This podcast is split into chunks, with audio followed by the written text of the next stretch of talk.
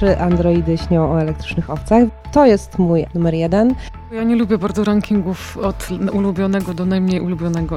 Nie wierzyłem w to, że można w ten sposób przełożyć język literacki, fantazy na kino.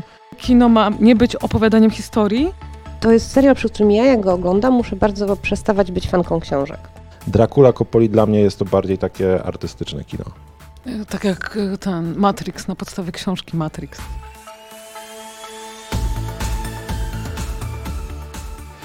Dzień dobry, ja się nazywam Waldek Mazur, jesteśmy w prozie klubie Wrocławskiego Domu Literatury. E, Dzisiaj kolejny odcinek Bełkotu Literackiego, ale taki trochę inny niż zazwyczaj. Wpadłem na taki pomysł, żebyśmy porozmawiali o ekranizacjach. O ekranizacjach, czyli adaptacjach książek, także komiksów, jeżeli ktoś ma pomysł na takowe, e, żeby to było trochę takie luźniejsze i żebyśmy nie musieli tak super mocno się przygotowywać. Myślę, że od czasu do czasu takie bełkoty u nas się będą e, pojawiać, jeżeli będziemy się dobrze bawić i ktoś będzie chciał nas słuchać. I jak już wspomniałem, ja się nazywam Waldek Mazur, jest ze mną Kasia Janusik Cześć. i Emilia Konwerska. Cześć. I pomysł mój na to był taki, zaproponowałem, żebyśmy przygotowali listę według nas najciekawszych, najbardziej interesujących, takich zapadających nam w pamięć trochę adaptacji, co oczywiście jest zadaniem karkołomnym i składając tą listę, ja już umysłowiłem sobie, że za chwilę bym ją ułożył od nowa i od nowa i od nowa i dzisiaj rano też o tym myślałem i zdawałem sobie sprawę, ile, ile adaptacji e, filmowych, serialowych zapomniałem. Ale mój pomysł jest taki, że wybieramy pięć e, seriali, pięć e, filmów i o nich rozmawiamy w kolejności powiedzmy od końca, chyba że właśnie tu patrzę w stronę Emilii, że nie chcemy w ten sposób ich numerować. Tak, bo ja nie lubię bardzo rankingów od ulubionego do najmniej ulubionego i nigdy nie umiem tego przygotować.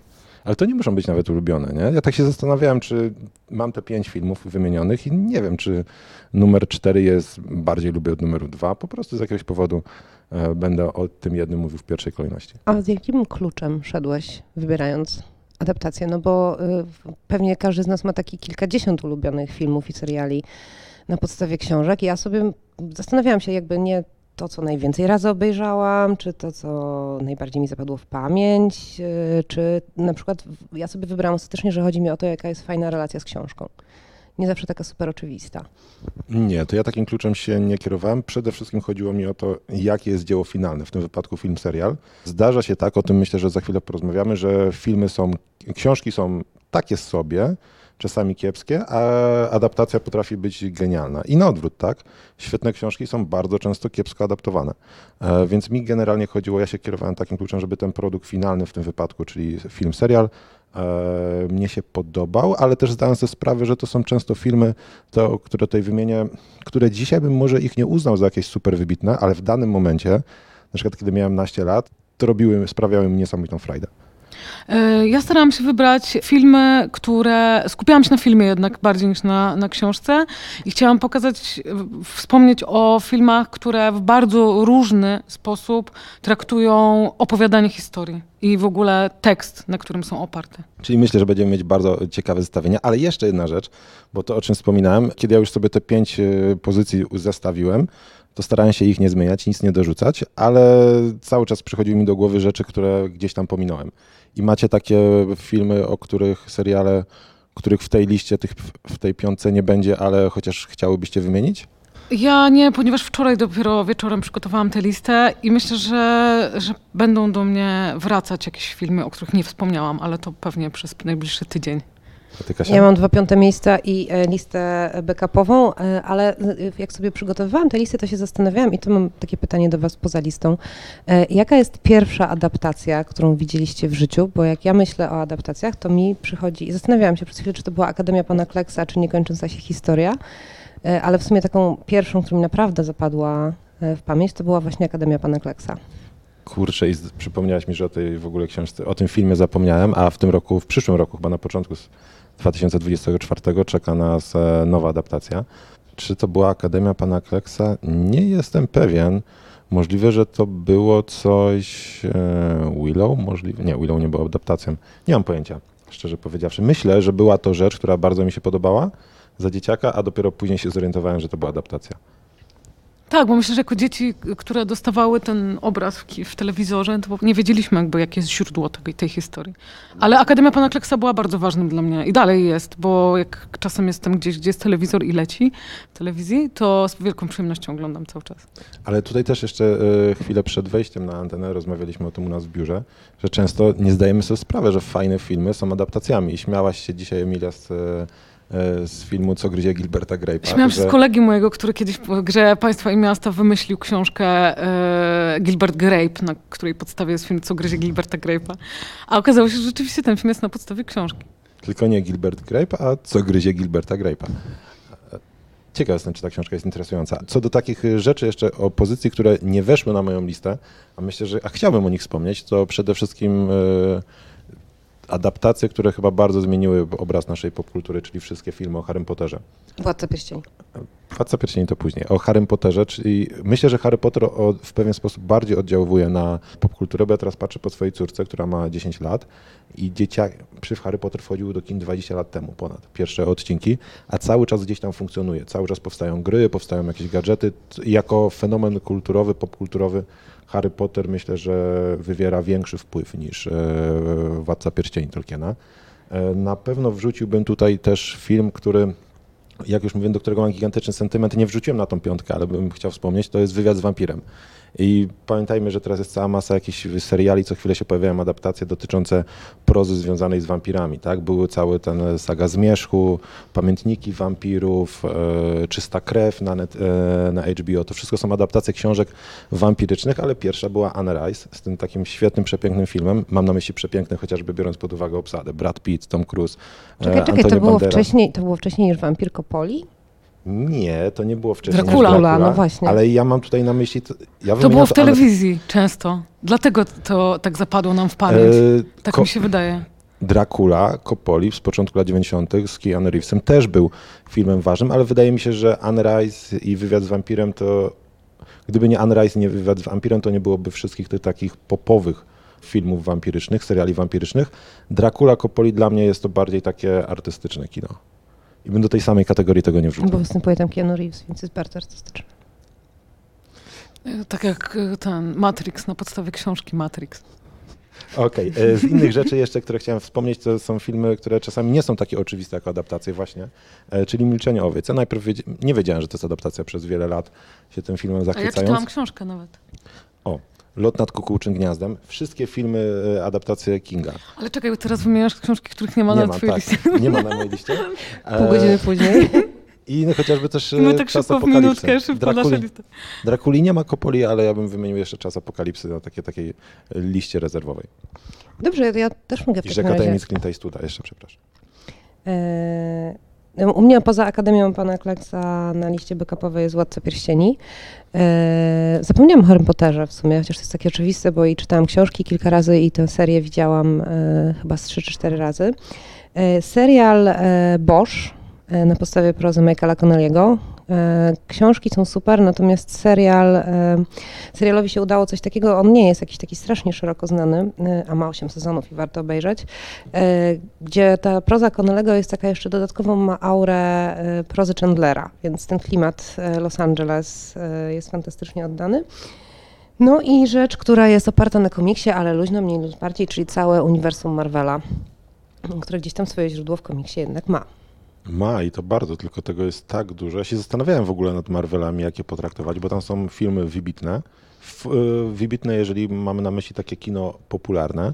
E, są rzeczy bardzo słabe. Jest cała masa rzeczy po prostu przyzwoitych. I Ale jako całość e, no jest pewien absolutny fenomen. to jest ponad 30 filmów, kilkanaście seriali już. To są setki godzin do oglądania i nie wiedziałem, jak w ogóle złapać Marvela, jak potraktować to wszystko, co Marvel Cinematic Universe tam proponuje. Zaznaczmy, że to jest pierwszym takim filmem uważanym za kanoniczny jest e, ekranizacją jest Hulk. E, ten Hulk z Edwardem Nortonem.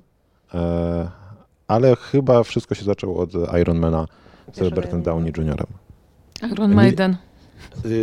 Tam akurat gra Black Sabbath, ale ty, Emilia, ty kojarzysz w ogóle jakieś filmy Marvela? E, Ale chciałam też powiedzieć, jak już tak mówimy, że w ogóle moje zetknięcie, a propos też bełkotowych naszych audycji, podcastów, e, to moje pierwsze zet- zetknięcie z Carson McCullers, nie wiem czy mówiłam o tym wtedy, jak rozmawialiśmy, to był film e, Serce to samotny myśliwy, który obejrzałam, nie znając w ogóle książki. I zrobił na mnie bardzo duże wrażenie. Też to jest super ekranizacja, moim zdaniem. Okej, to zaczynamy. E, miejsce piąte bądź nie piąte. E, która z was chce jako pierwsza podać? Ja mogę zacząć. E, Na początek chciałam powiedzieć o polskiej ekranizacji, polskiej książki, której ksio- e, pierwsze zdanie książki brzmi: Jako człowiek teraz jestem sp- spokojna, ale jako matka nie. I jest to książ- e, serial Ballada o Januszku Henryka Bielskiego na podstawie powieści Sławomira Łubińskiego, który niestety zmarł parę lat temu. Myślę, nie wiem jak wy, ale Ballada o Januszku jest jakimś takim moim wspomnieniem z dzieciństwa, bo ona była wtedy w telewizji i pamiętam, że ją się oglądało jako coś bardzo drastycznego. I jako dziecko pamiętam taką frazę, e, że Januszek zrobił matce karcer. I to jakoś wracało w ogóle wśród moich znajomych w moim wieku. Jak o tym rozmawiam, to ta ballada wraca jako coś, co tak jakiś po prostu jakby kątem oka widziany obraz telewizyjny. I rzeczywiście proza jest wspaniała, bo opowiada o e, samotnej matce, która mierzy się z ciężką rzeczywistością, ciężką pracą i relacji z bardzo trudnym synem. Dlaczego ta książka i film są takie dobre? Moim zdaniem dlatego, że nie ma tam, żadna z tych postaci nie jest jednoznaczna. Czyli ta matka, która może się wydawać ofiarą, też często jest bardzo po prostu toksyczna, bo nie zna innej, innego sposobu budowania relacji z synem. E, więc e, jeśli chodzi o pierwszy mój typ, no to to będzie Ballada o Januszku, zarówno książka, jak i serial. Można obejrzeć cały czas gdzieś online, bo ja go oglądałam parę lat temu. Legalnie? E, chyba nie. Ja nie widziałam, więc w ogóle nawet nie wiem, o czym mówisz. Bardzo polecam. Też nie znam. A ty, Kasiu? E, Jak, jak mówiłam, mam e, dwie pozycje na mm, numer Ex aequo. 5, tak, ex aequo. E, One są tak zupełnie inne, że, że w ogóle nie da się ich porównać, ale to właśnie, to też jest coś, o czym rozmawialiśmy. Ale to znaczy, że masz sześć pozycji łącznie? Nie, mam dwie piątki po prostu, to jest jedna duża podwójna piątka. Waldek, ty wymieniłeś już z 10 tytułów jeszcze nie, A jeszcze nie zacząłeś mówić. To ja może powiem, e, że e, jest to e, po pierwsze Orlando w reżyserii Sally Potter, film z 1992 roku z fenomenalną Tildą Swinton w roli Orlanda na podstawie, bardzo luźno oparty na, po, na książce Virginia Woolf, Orlando biografia z 1928 roku i to jest tak, że e, Sally Potter sobie wzięła kawałek tej książki. Oczywiście nie oddawała, bo dla tych, co nie wiedzą, e, postać e, stworzona przez Virginia Woolf e, jest bardzo androgeniczna, ale też zmienia płeć w sytuacjach e, krańcowych, takich bardzo trudnych doświadczeniach. E, I żyje 500 prawie lat, od czasów elżbietańskich do dokładnie 1928 roku w książce, a w filmie do 1992. I mi się bardzo podoba, co po pierwsze podoba mi się jako film, aczkolwiek mogłabym to pewnie powiedzieć o większości filmów z Tildą Swinton, której jestem wielką fanką, E, a po drugie podoba mi się właśnie to, jak ona sobie wyjęła to, co uznała za najbardziej filmowe z książki Virginia Woolf. To nie jest też takie proste, żeby taką historię e, zaadoptować i klimat tego filmu, nie wiem, czy wy pamiętacie, jaki jest taki... Tak, ja, ja w ogóle czytałam książkę i oglądałam też film i też bardzo lubię taki sposób opowiadania e, literackich historii na właśnie wyjęciu jednego wątku. Ale też a propos tego, co mówisz, przypomniały mi się godziny, które też są e, w bardzo luźny sposób inspirowane Virginia Woolf i bardzo uwspółcześnioną wersją, jakby rozbudowaną, a zarazem okrojoną. I też bardzo lubię ten film, przypomniał mi się. Ja film oglądałem, książki nie znam, więc nie wiem, czy... I też przypomniało mi się od razu, że Tilda Swinton jeszcze grała w e, Niebiańskiej plaży, która też jest ekranizacją. Ja nigdy nie czytałem książki. E, Też nie czytałem książki. Ale to był taki film z mojej młodości, który chyba bym wrzucił tej listy rezerwowej, bo, ale boję Tam się go. Leonardo DiCaprio? Tak, młodziutki Leonardo DiCaprio, ale trochę bałbym się tego filmu oglądać teraz, bo możliwe, żebym się bardzo nim rozczarował. To ja tylko szybko o punkcie piątym, e, numer dwa, bo może kiedyś poświęcimy mu osobny podcast. To jest Nowy Wiedźmin. Wow. No nie, nie jest wyżej, ale e, znowu patrząc przez ten klucz tego, co, e, co serial robi z książką, e, oczywiście Lubię. lubię... masakruje. Czasami ją masakruję, ale ostatni pie- pierwszy sezon częściowo i ostatni sezon druga połowa moim zdaniem fenomenalnie sobie radzi z materiałem książkowym. Też oczywiście go upraszcza, ale bardzo mi się podoba to, jak został świat e, Sapkowskiego stworzony w tym serialu. Nie chcę wchodzić, e, bo my tu, mogę zdradzić z Waldkiem, oboje jesteśmy fanami e, Wiedźmina książek.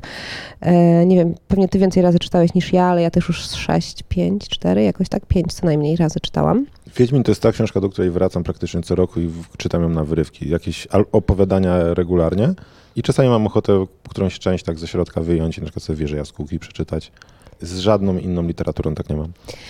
No ja też nie mam wielu książek, które czytałam tyle razy, co, co cykl o Wiedźminie, ale e, to może powiesz, co to znaczy to twoje wow. Po pierwsze, Andrzej Sapkowski, dla mnie to jest chyba największy polski pisarz XX-XXI wieku i to, co on zaproponował nam w sadze wiedźmińskiej, to, co zaproponował nam e, w trylogii husyckiej jeszcze w swoich opowiadaniach, bo to są e, mity arturiańskie przerobione, jest kilka, jedno opowiadanie science fiction, jest tego całkiem sporo. Jest ojcem chrzestnym polskiego e, fantazy.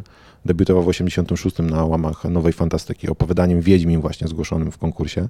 Nie wygrał wtedy tego konkursu, bo między innymi Maciej Parowski, redaktor, miał obawy, że czyta go się za łatwo. Ale nie, nie chodzi o sam... Dlatego mówiłam, że możemy osobny odcinek E, poświęcić Wiedźminowi. Tak, ale idzie o to, że to jest genialna dla mnie literatura. Taki chyba jeden z największych polskich fenomenów popkulturowych.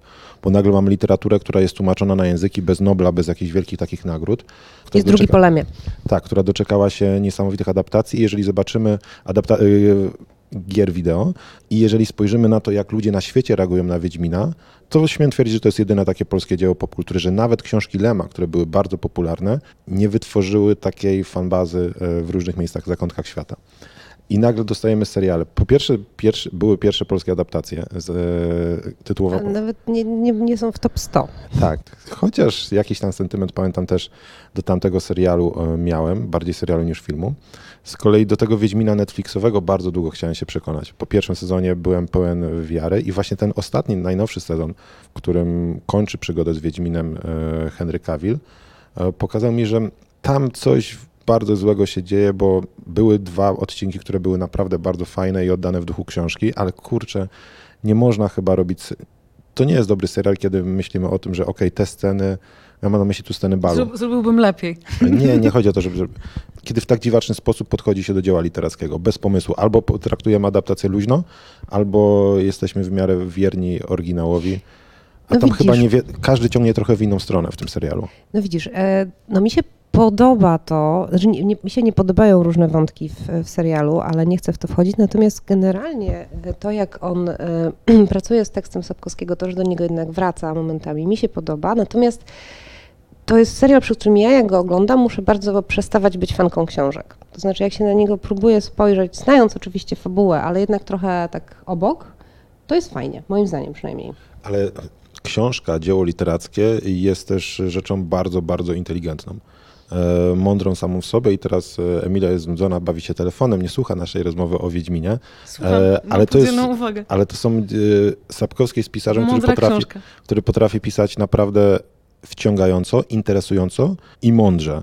I potrafi odnosić, pisze, pisze fantastykę o wymyślonym świecie, jednocześnie bardzo mocno komentując rzeczywistość. Tego mi bardzo w tym serialu brakuje. Do tego niektóre skróty, jakieś takie rzeczy, które w świecie, w świecie fantazy są nie do pomyślenia, jak absurd, absurdy, które tam się e, dzieją. Nagle jadą sobie na koniach Yennefer z Siri i w którymś momencie pojawiają się przed rzeką, nie ma mostu, nie ma nic, za chwilę się pojawiają po drugiej stronie rzeki i nikt nie wyjaśnia, jak one się tam No znalazły. ale to nie trzeba pokazywać wszystkiego, przecież kino jest po to, żeby móc ominąć pewne Poza momenty. tym ona jest czarodziejką. Ale dobrze, ja przepraszam w ogóle, że wywołałam temat. E, ja przepraszam za wywołanie tematu Wiedźmina. Waldek, twój gadaj. numer piąty. E, Mój numer piąty i to jest właśnie też e, serial. To jest adaptacja, trochę mam...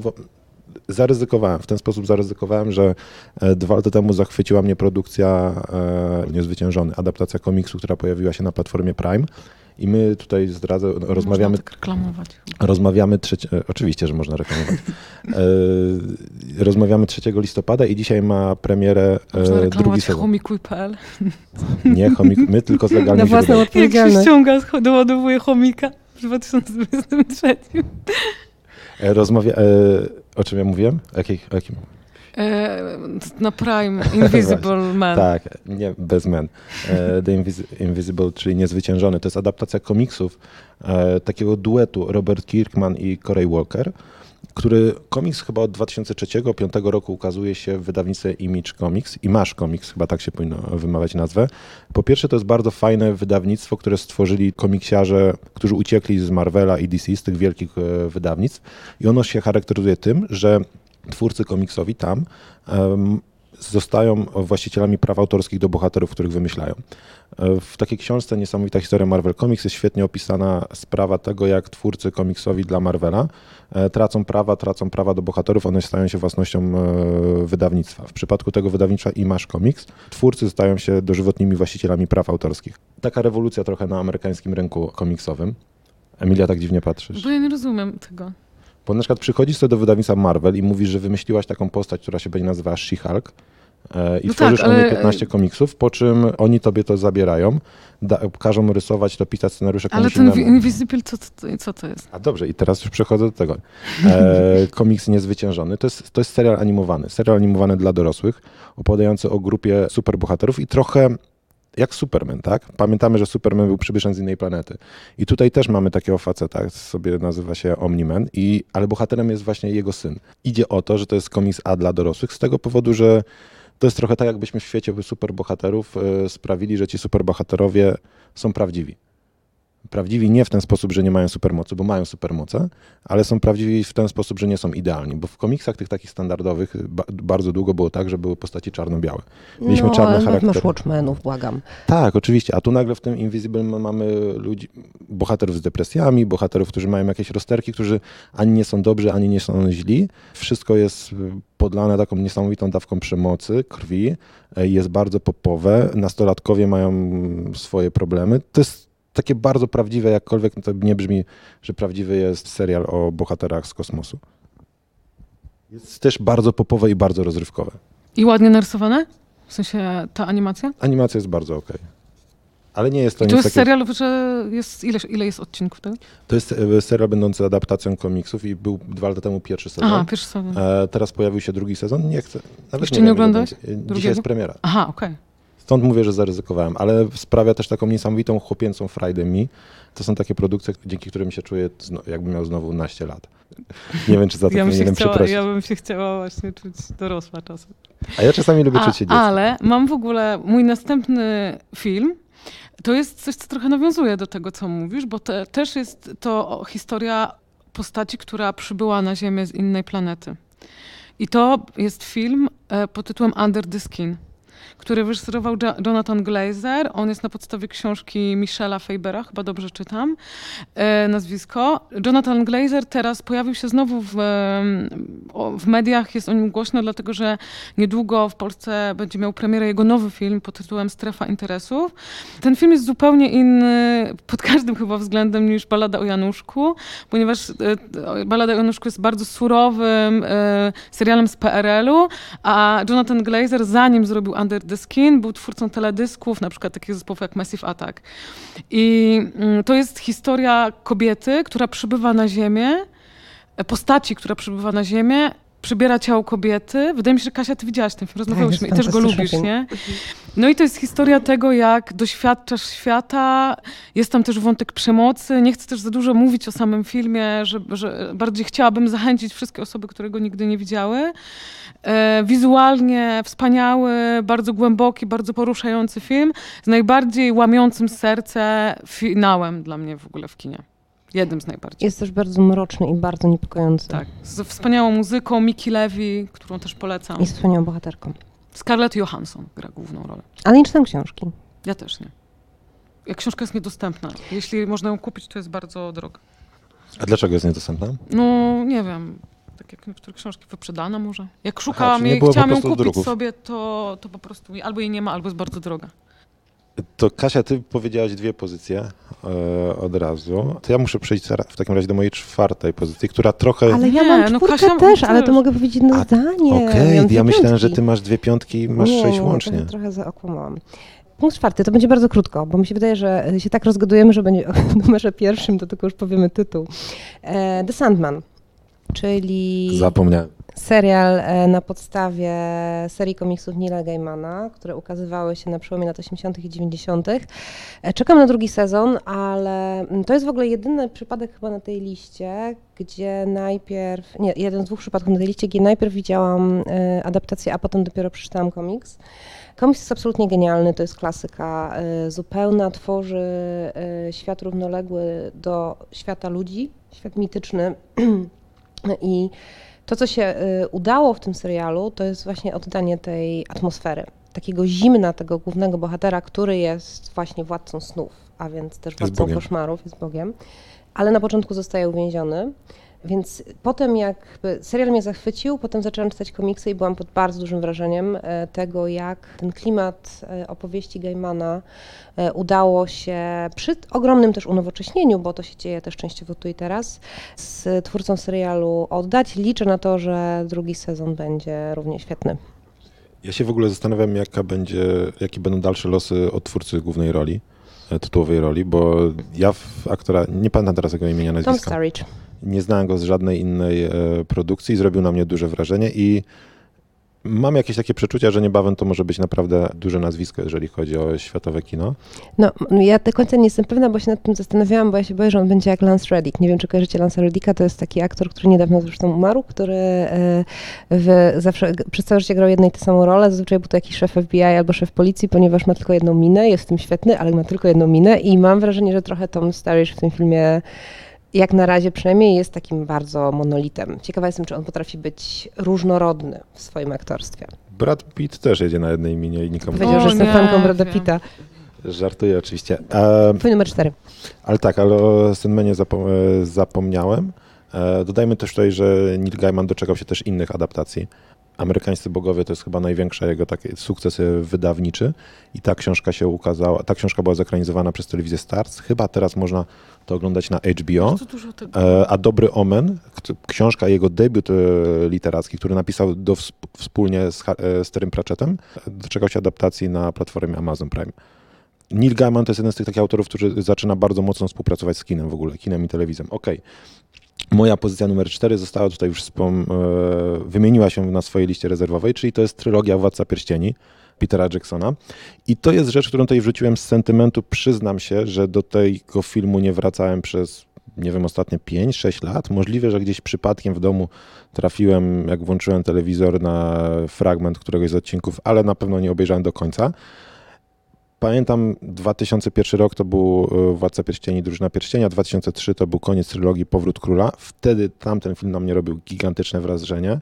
Rozmach, e, adaptacja. Nie wiedziałem do tamtego momentu, nie wierzyłem w to, że można w ten sposób przełożyć język literacki, fantazy, takie pełnokrwiste fantazy na kino i to nie będzie wyglądało śmiesznie, karykaturalnie. Wtedy mieliśmy Kończąca się opowieść. ale niekończąca się opowieść wyglądała trochę jak bajka, jak animacja. Kiedy piękny film, wspaniała historia, bardzo mi się podobała, ale trochę to przypominało teatr, ten y, smok, smokopies był taki pluszowy. Ale to było 30 lat temu Tak, to, był, to były lata 80., ale pamiętajmy, że Władca Pierścieni był w 2001. Władca Pierścieni tego Petera Jacksona i niekończąca się opowieść, to między tymi dwoma filmami jest mniejszy dystans niż między Władcą Pierścieni a nami teraz, w 2023. Więc jak na tamte czasy, to był film z gigantycznym budżetem, z gigantycznym, też z bardzo fajną obsadą. E, Tam byli aktorzy teraz popularni, czasami może nawet bardzo popularni, ale jak na tamten moment e, takie nowe twarze, co też dla mnie było czymś fajnym, bo wówczas pamiętam, że chodziło się do kina i te filmy popowe bazowały cały czas na tych samych nazwiskach. A tu nagle mam obsadę, gdzie pomijając Liv Tyler, nie znałem nikogo innego wcześniej. Orlando Bloom nie był znany, Viggo Mortensen nie był znany i tak dalej, i tak dalej. Można by było e, wymieniać. Ian McKellen, wspaniały aktor, e, który także w adaptacjach się pojawiał innych komiksowych. Wszystko tam mi zagrało. Teraz pamiętam, jak, jak ten film sobie czasami obejrzę jakieś takie e, szoty gdzieś w internecie, to wygląda trochę, przydałoby mu jakiś retusz, Nie, tam. ale nadal daje radę. Kostiumy, sceny batalistyczne, rozmach tej historii tam i ten duch literatury Tolkiena. Dla mnie to też się złożyło wszystko na to, że ja chwilę przed e, pierwszą adaptacją przeczytałem Władcę Pierścieni i to było takie po Sapkowskim wejście na całego w świat, e, w literaturę fantazy, jak miałem naście lat. I ten film Petera Jacksona naprawdę sprawiał mi niesamowitą frajdę i też moi koledzy, pamiętam, i koleżanki, którzy prychali na literaturę fantazy. Aha, To ja to jest też. niepoważne, mniej więcej. Pożyczałam Oni, od metali kolegów Tak. w liceum i czytałam też. nawet oni się zachwycali w tym filmem, że to był taki film, który wszedł e, z drzwiami do e, mainstreamu i nawet tych, którzy się śmiali z literatury fantazy jakoś tam urzekł i nie mogli powiedzieć, że "Mm, kurde, to jest słabe. No, ja mogę się z większością tych rzeczy zgodzić. Y, Poza tym, że ja oglądałam Władcę Pierścieni, był taki czas, że oglądałam przynajmniej tak raz na dwa lata całą trylogię. Aczkolwiek do dziś nie mogę wybaczyć, że y, usunięto Toma Bombadilla. Uważam, że to jest masakra i największy błąd w tej adaptacji. Ale usunięto go, nie nakręcono w ogóle. Nie nakręcono w ogóle tego wątku, absolutnie. Tak, Tim Bombadil się później pojawia w Hobbicie, prawda?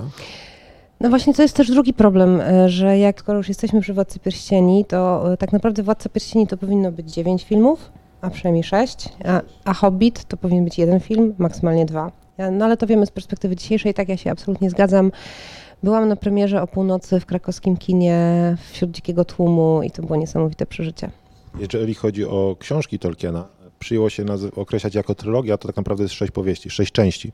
E, Więc filmów tak, że tam powinno być sześć, trzy. Okej, film mogą sobie dzielić jak chcą, ale tam e, oryginalnie jest sześć powieści. Jeszcze tutaj, e, jak już jest Tolkien, był Sapkowski, to to, co jeszcze nie powiedziałem w kontekście Wiedźmina, a co mi bardzo przeszkadza w adaptacji Netflixowej, to jest ich beznadziejne CGI, efekty specjalne, które są naprawdę na poziomie bardzo, bardzo przeciętnym.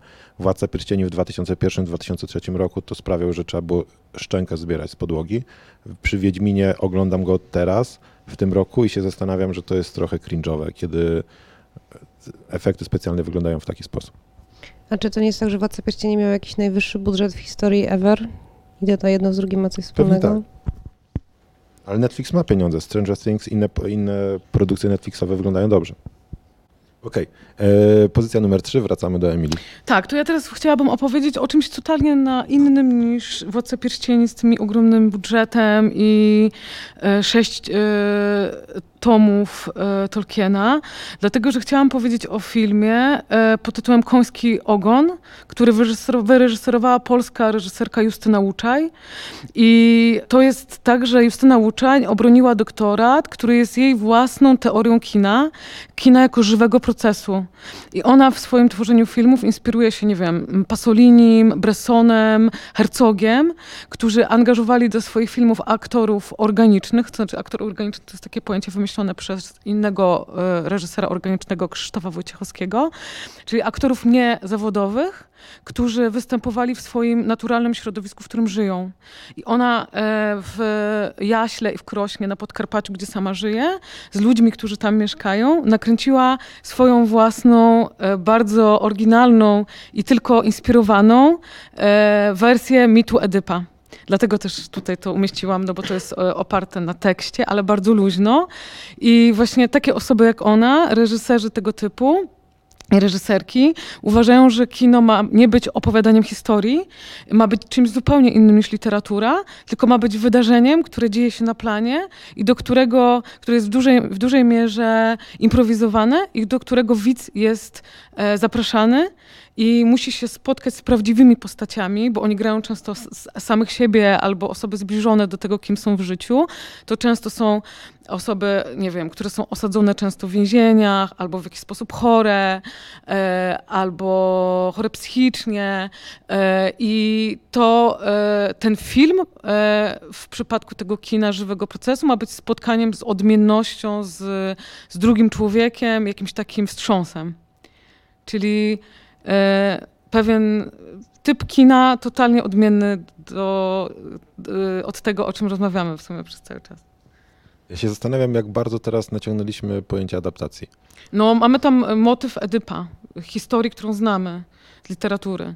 I właśnie, a chociaż mi, mi się wydaje, że ona w sumie potrzebowała jakiejś historii, żeby pokazać te postacie bardziej niż odwrotnie. No ale myślę, że to jest ciekawe. Mhm. Ja bym tego jednak mimo wszystko za adaptację nie uznawał, biorąc pod uwagę, Nie, no ile, wiadomo, mamy, że to nie jest. ile To jest mamy- właściwie w kontrze do adaptacji. ile film. mamy filmów, które korzystają z jakichś mitów, z popkultury, z kultury, z Biblii. e, z Ale jakichś to jest po prostu na tyle z oryginalna metoda, że wydawało mi się, że warto o niej wspomnieć tutaj. Nie, idzie mi o to, że w ten sposób możemy bardzo dużo książ- e, filmów zaliczyć do grona adaptacji.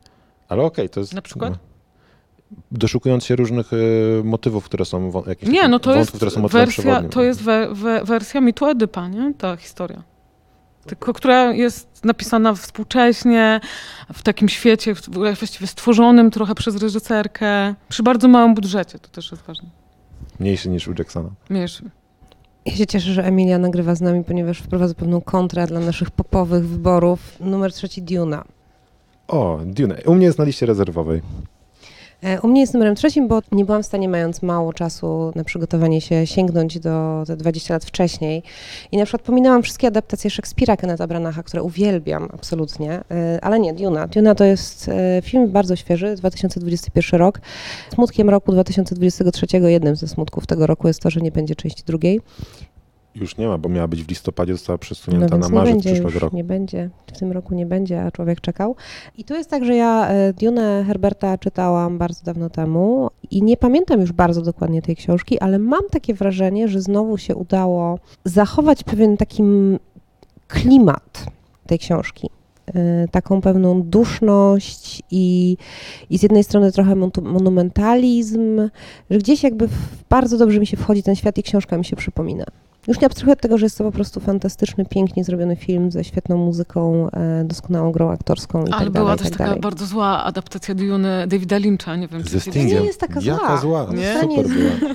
Mi się wydawała taka z kartonu właśnie zrobiona. Ona nie jest zła, niestety druga jej część, druga część tego filmu to jest streszczenie całej historii e, w takim półgodzinnym teledysku, ale e, pierwsza część moim zdaniem jest świetna. Tutaj właśnie y, ten, film Lyncha, to jest to, o czym mówiłem trochę przy Władcy Pierścieni, że Władca Pierścieni był chyba pierwszym filmem, adaptacją fantastyki, teraz szerzej e, to ujmę, która udźwignęła stronę wizualną. Bo u Lyncha, gdyby te efekty specjalne on wówczas miał, którymi teraz mógłby dysponować, myślę, że tamten film miałby lepszy status.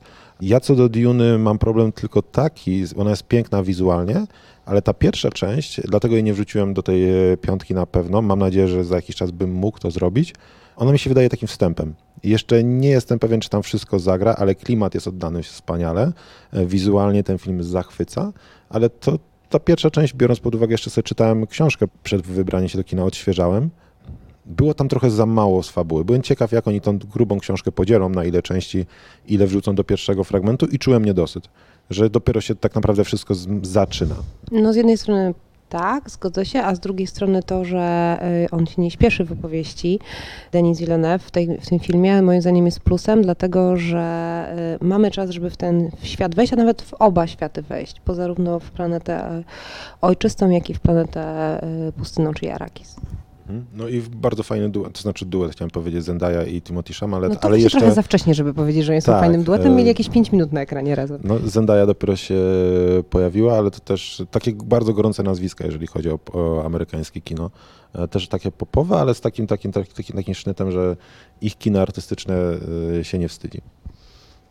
To To teraz ty, Waldek, I, mój, zapomniałeś, że to nie tak, ty e, mówiłeś. I moja pozycja numer 3, chociaż ona mogła być tak samo pozycją numer 5, to jest Ojciec Chrzestny, ale tylko część pierwsza i druga, adaptacja prozy Mario Puzo, Francisa Forda Coppoli. Już tłumaczę, dlaczego część pierwsza i druga, ponieważ część pierwsza i druga są lepsze od części trzeciej, która wieść głosi, że tak naprawdę e, reżyserką e, części trzeciej była bardziej córka. E, Która też tam występuje. Francisa Forda Coppoli, która tam występuje. Straszna jest to, czy to E, część. Jest bardzo kiepska. Tam Ona się bardzo pojawia- często się pojawia, nie wiem czy Kasia pamiętasz, że w Sopranos oni też często mówią o ojcu chrzestnym i ta trzecia część tam też jest disowana. Nie, ja zarówno Ojca Chrzestnego, jak i Sopranos oglądałam 12 lat temu. Aha. E, Ale w tej trzeciej części też gra Andy Garcia, ale według mnie największy problem trzeciej części polega na tym, że pierwsza i druga bazują na książce Mario Puzo, Ojciec Chrzestny. Jest świetny materiał. Ta trzecia część chyba powstała dlatego, żeby spróbować skonsumować jeszcze sukces, ale już naście lat po, e, dekadę po pierwszej i drugiej adaptacji, więc e, trochę chyba za późno. Mnie zachwyciła książka. Książka była świetna, miałem naście lat, jak ją czytałem i później dopiero obejrzałem film i to było jedno z takich pierwszych moich przeżyć, kiedy wow, jest świetna książka i film też daje radę. Świetni aktorzy, których wtedy mm, Robert De Niro, Marlon Brando jako młody i stary Vito Corleone, e, Michael Corleone to jest Al Pacino i to tam, tam wszystko grało. Te postacie byli, były świetnie zagrane, akcja niesamowita, to bardzo ładnie wyglądało ten e, Nowy Jork. Stany Zjednoczone okresu dwudziestolecia międzywojennego, przemysł aktorski połączony z mafią. e, No jest to arcydzieło, to jest pewne. to jest arcydzieło. Bardzo dużo też, się, też z tego filmu dowiadujemy o Stanach Zjednoczonych tamtego okresu i trochę możemy zrozumieć, dlaczego Stany Zjednoczone I w drugiej części jest w ogóle super wątek Kuby, tego co tam się dzieje. Nie wiem, czy Tak, pamiętacie. w- w- wątek Kuby w ogóle tego, jak, jak ci imigranci trafiali e, do tych e, wielkich miast e, amerykańskich. Emilia, teraz ty.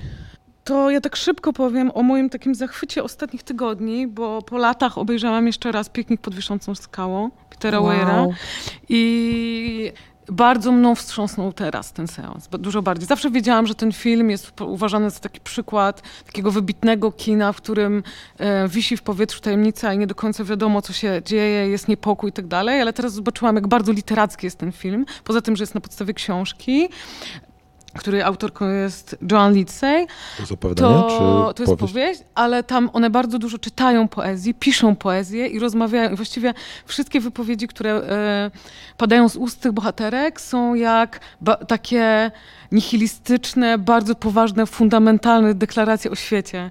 I bardzo mi się podobał ten film. Podoba mi się to, że w bardzo lekki sposób pokazywane są bardzo niepokojące te rzeczy, że cały czas jest atmosfera zagrożenia, która może spotkać w każdej chwili młodą dziewczynę.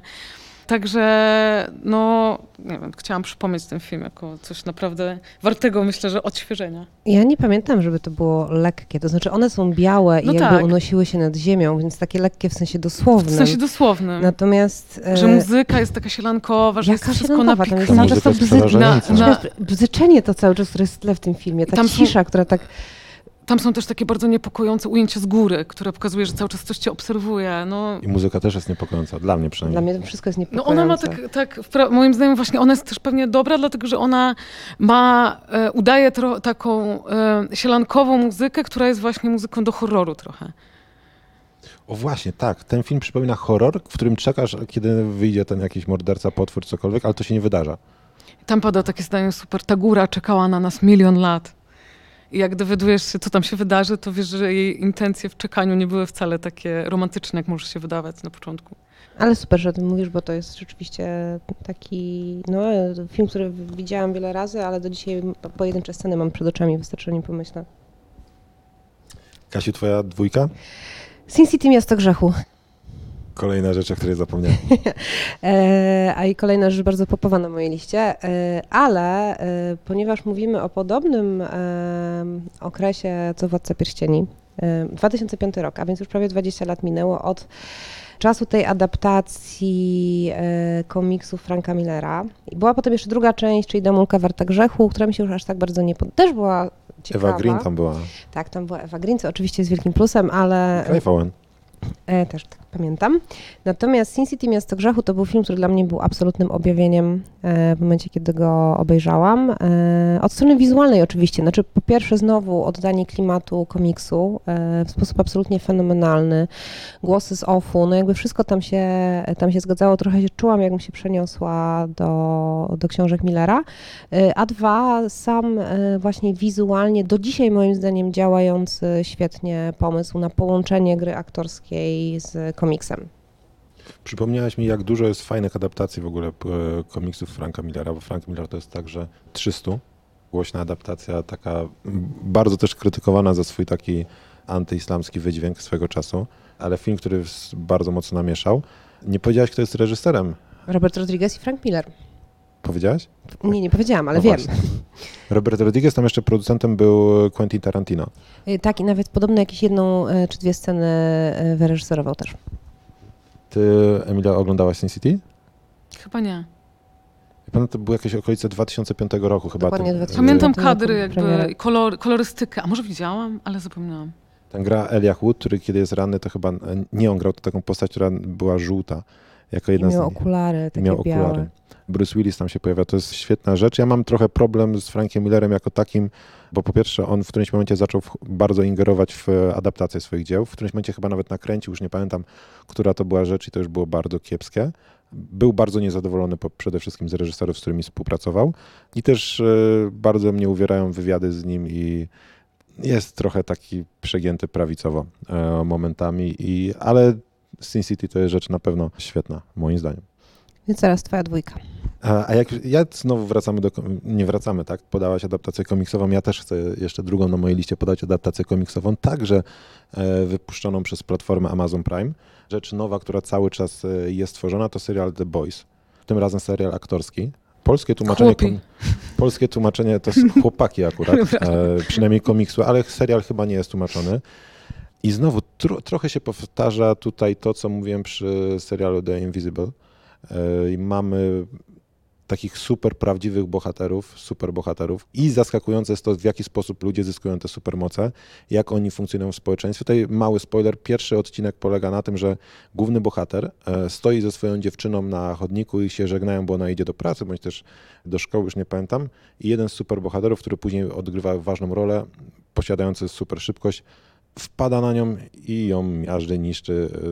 Bohater e, główny jest ubryzgany wnętrznościami, czy fragmentami ciała swojej e, narzeczonej i później tak naprawdę ten, ten film już szokuje, ale też pokazuje takie fajne mechanizmy społeczne. Mamy To dwie jest jakby takie klasy rzeczy się nie społeczne. dzieją. To Dwie nie klasy, które się gdzieś-. Nie da się Nie, nie, zabić ale- swojej narzeczonej biegnąc. Tego się nie da, natomiast y, myślę, że to, o czym Waldek mówi, to jest to, jak działa przemysł reklamowy, y, jak działają wielkie koncerny i jak bardzo wszystko tak naprawdę, niezależnie od tego, czy jest dobre i złe, może stać się po prostu produktem. Mamy ruchy religijne, mamy polityków, którzy nami manipulują, mamy właśnie to, co Kasia wspomniała, korporacje, które nam sprzedają różne rzeczy, które nie są fajne jako patriotyczne, a tak naprawdę są bardzo e, często niepatriotyczne.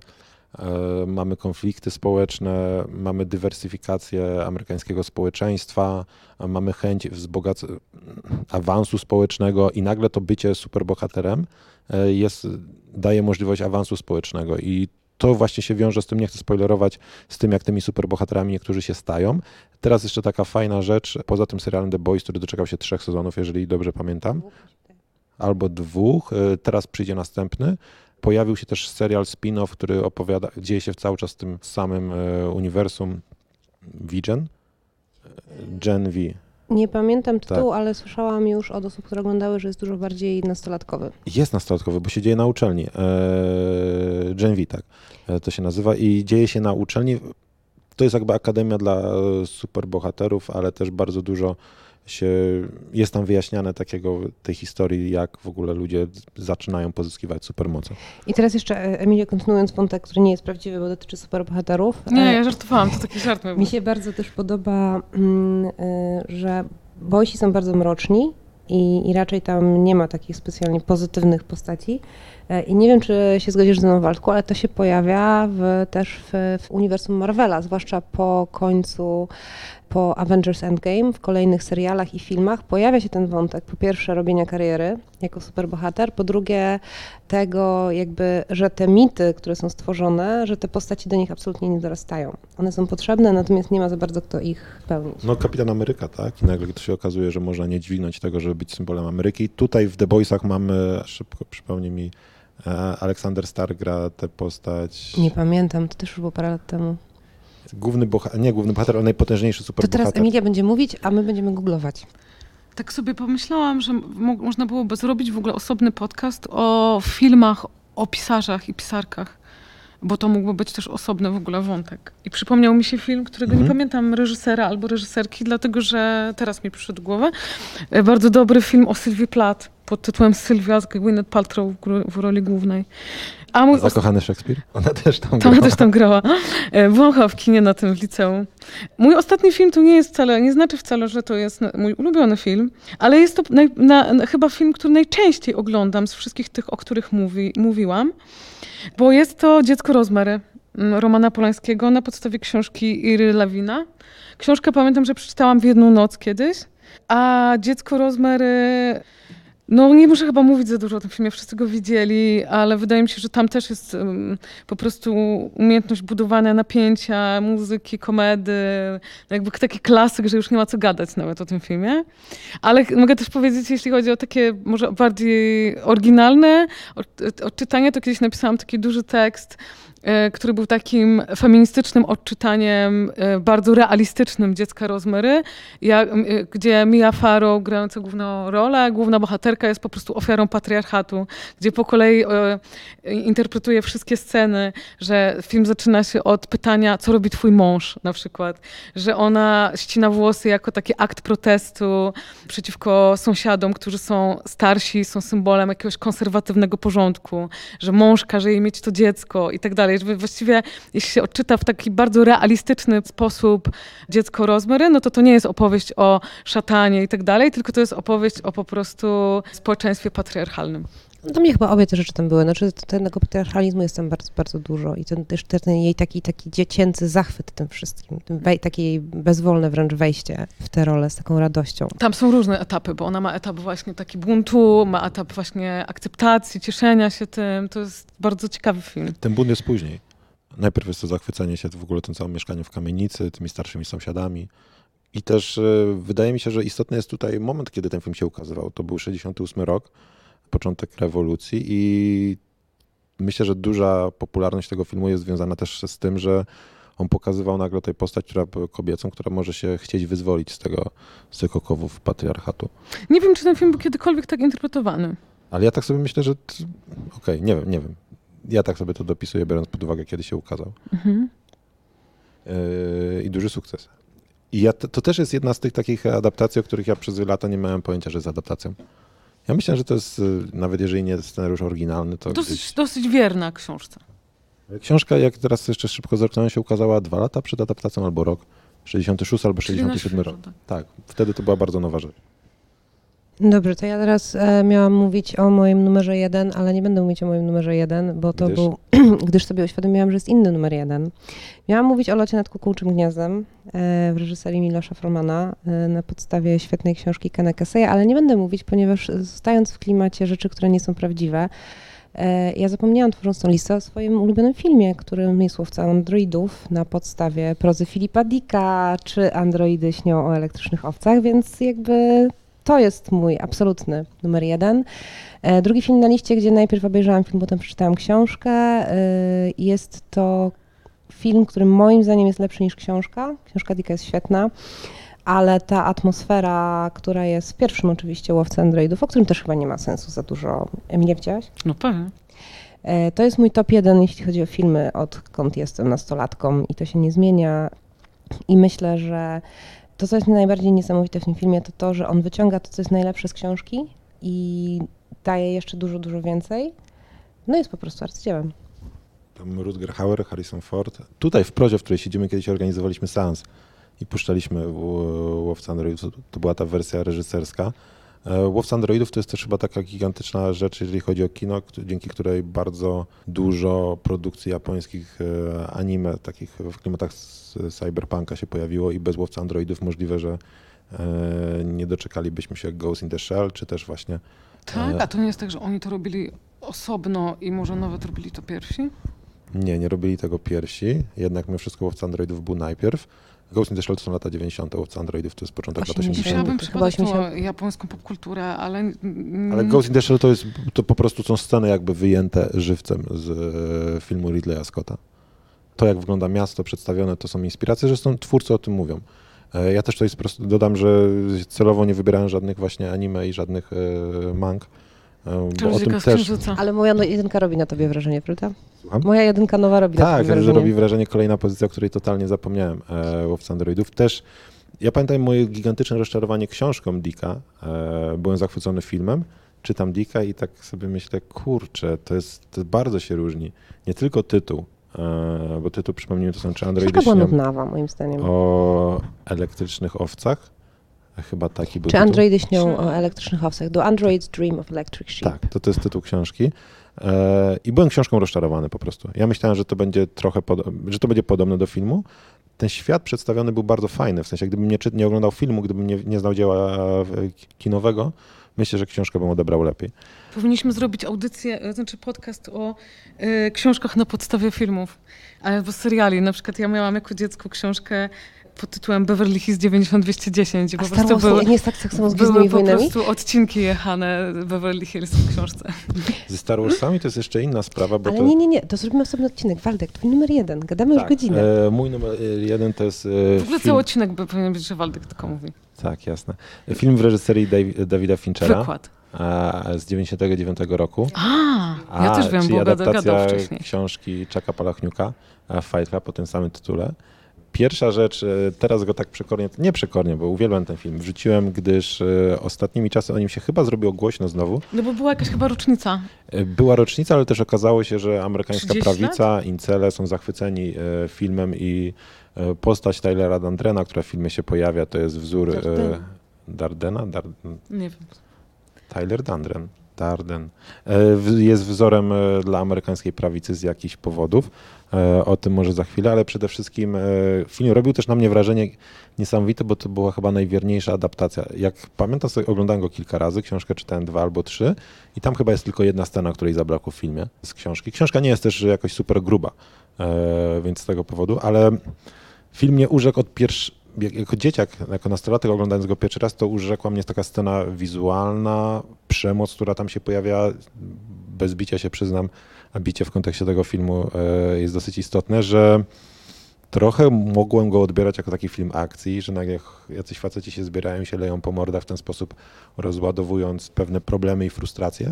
Później trochę w tym filmie zacząłem dostrzegać innych rzeczy, krytyki kapitalizmu, jakiejś takiej bezsensowności, w którą jesteśmy wtłoczeni jako e, ludzie. Też takiego niezrozumienia, bo to jest e, scena, Edward Norton i Brad Pitt tworzą duet, powiedzmy, krojący główne postaci.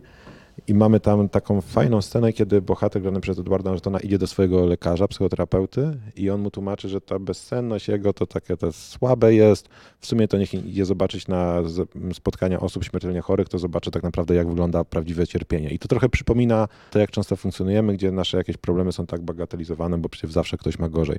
I ten bohater wpada w taką spiralę takich powiedzmy problemów e, psychicznych także z uwagi na to, że tak naprawdę społeczeństwo jest e, niemiłe. No wiesz, no, Palaniuk w ogóle pisze o końcu cywilizacji na różne możliwe sposoby yy, i rzeczywiście fi- filmowi się to udało, bo też jest to... Jego książki nie są jakieś przerażająco trudne w odbiorze, no ale są takie bolesne w lekturze, dla mnie przynajmniej, bo, głównie ze względu na to, że jest tam bardzo dużo przemocy i też psychicznej i film to fantastycznie oddaje, ale też ja bym się zgodziła, że tam jest choćby ta scena, dobrze pamiętam, kiedy No- Norton urządza sobie mieszkanie meblami z Ikei Tak. w, gło- w I się własnej głowie. pojawiają z katalogu Tak, rzeczy. i e, moim zdaniem tam jest wiele rzeczy takich bardzo proroczych, e, jak się patrzy z perspektywy tych lat, które minęły od czasu nakręcenia tego filmu, e, jest tylko bardziej w tym kierunku. Jest tak też trochę pandemicznie, bo u niego się te rzeczy pojawiały, teraz możemy zamawiać przez internet, nam przy- przyjeżdżają do domu. Ale tak, super numer jeden. A Emilia, jestem ciekaw, jaki ty masz stosunek, bo ja mówiłem o tej takiej e, prawicy amerykańskiej, która ma problem z tym filmem, bardzo sympatyzuje z tym filmem. Fincher nawet teraz niedługo wejdzie na Netflixie jego nowy film e, z Michaelem Fassbenderem i musiał się tłumaczyć, został wezwany do tablicy żeby się wyjaśni- e, wytłumaczyć, co sądzi o tym, że prawica bardzo sympatyzuje teraz z tym filmem, bo idzie o to, że ta postać e, tworzona przez Brada Pitta jest uważana teraz za wzór e, dla niektórych takich grup skrajnie prawicowych. A ty mówisz, że feministki atakują. I femi- też, tak? że prawica się zachwyca, a feministki atakują właśnie przez to, że Fincher stworzył taki niefajny wzór męskości.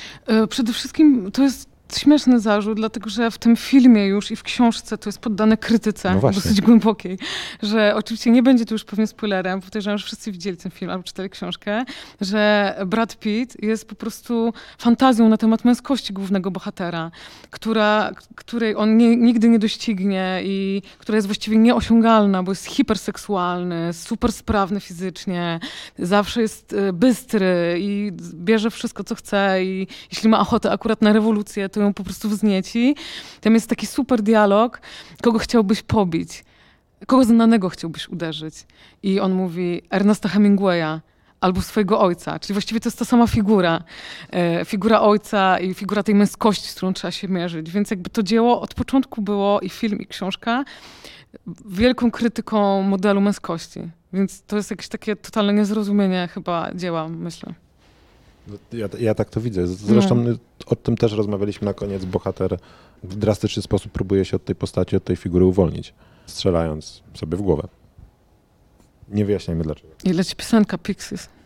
I to zakończenie jest wspaniałe. I tam jest jeszcze niesam... mówi Edward Norton. Nie wiem, czy to, to była jedna z pierwszych ról Edwarda Nortona. On stosunkowo późno e, się pojawił. Pamiętam jeszcze ten film z e, Richardem Girem, gdzie on się pojawia jako taki chłopak oskarżony o morderstwo. Ale tu dwa, trzy filmy, których Edward Norton. To jest druga połowa lat 90., kiedy on się pojawia. Brad Pitt, wiadomo, już był takim e, symbolem seksu. Wówczas jeszcze chyba tylko.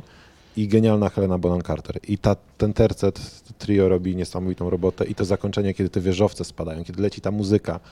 Wow. To jest jedna z, według mnie, z piękniejszych scen e, w kinie w ogóle. To od- ode mnie tyle. Chcecie coś jeszcze dodać na, odnośnie, skomentować nasze listy i kto miał najlepszą? Nie, ja myślę, że nie. To znaczy, To jest coś, czego nikt nie potrzebuje. żart. właśnie, to jest... e, Ranking, zróbmy ranking naszych list. To ja siebie od razu ustawiam na trzecim miejscu. A ja się przyznam bez bicia, że y, książki, które, e, filmy, które zaproponowała Emilia, to były w trzech piątych dla mnie nieznane.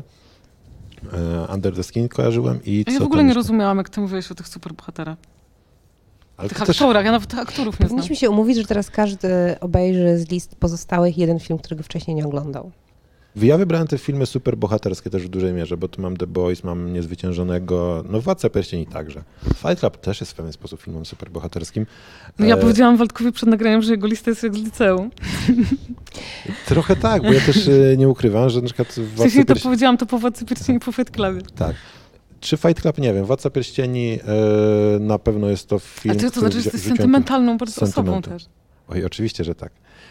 E, Gadamy Kasia trzy godziny już. nam, Kasia nam pokazuje, że mamy kończyć. E, mam nadzieję, że jakoś nie wymęczyliśmy was. Wrzucimy jakiś taki opis sensowny tego odcinka, żeby można się było połapać i przeskakiwać. e, z I zrobimy filmu do odcink, filmu. odcinek w odcinkach. Nie odcinek w odcinkach, ale taki spis po prostu, gdzie będzie można tipować e, nieinteresujące nas filmy. Ryknęliście. Śnienie Myślę o tym porozmawiać. Miałem śnienie i inne Kingi, bo Stephen King to myślę, że to jest jakby temat na inny odcinek, bo to jest facet, który pisze, tak, jest te książki, czasami mu się trafiają bardzo dobre, ale ma jakieś niesamowite szczęście do adaptacji. I zrobimy też o adaptacjach science fiction osobno, bo mi się przypomniała teraz inna adaptacja Filipa Dicka. Ale dzisiaj już kończymy. Dziękujemy. Dziękuję Do bardzo. usłyszenia.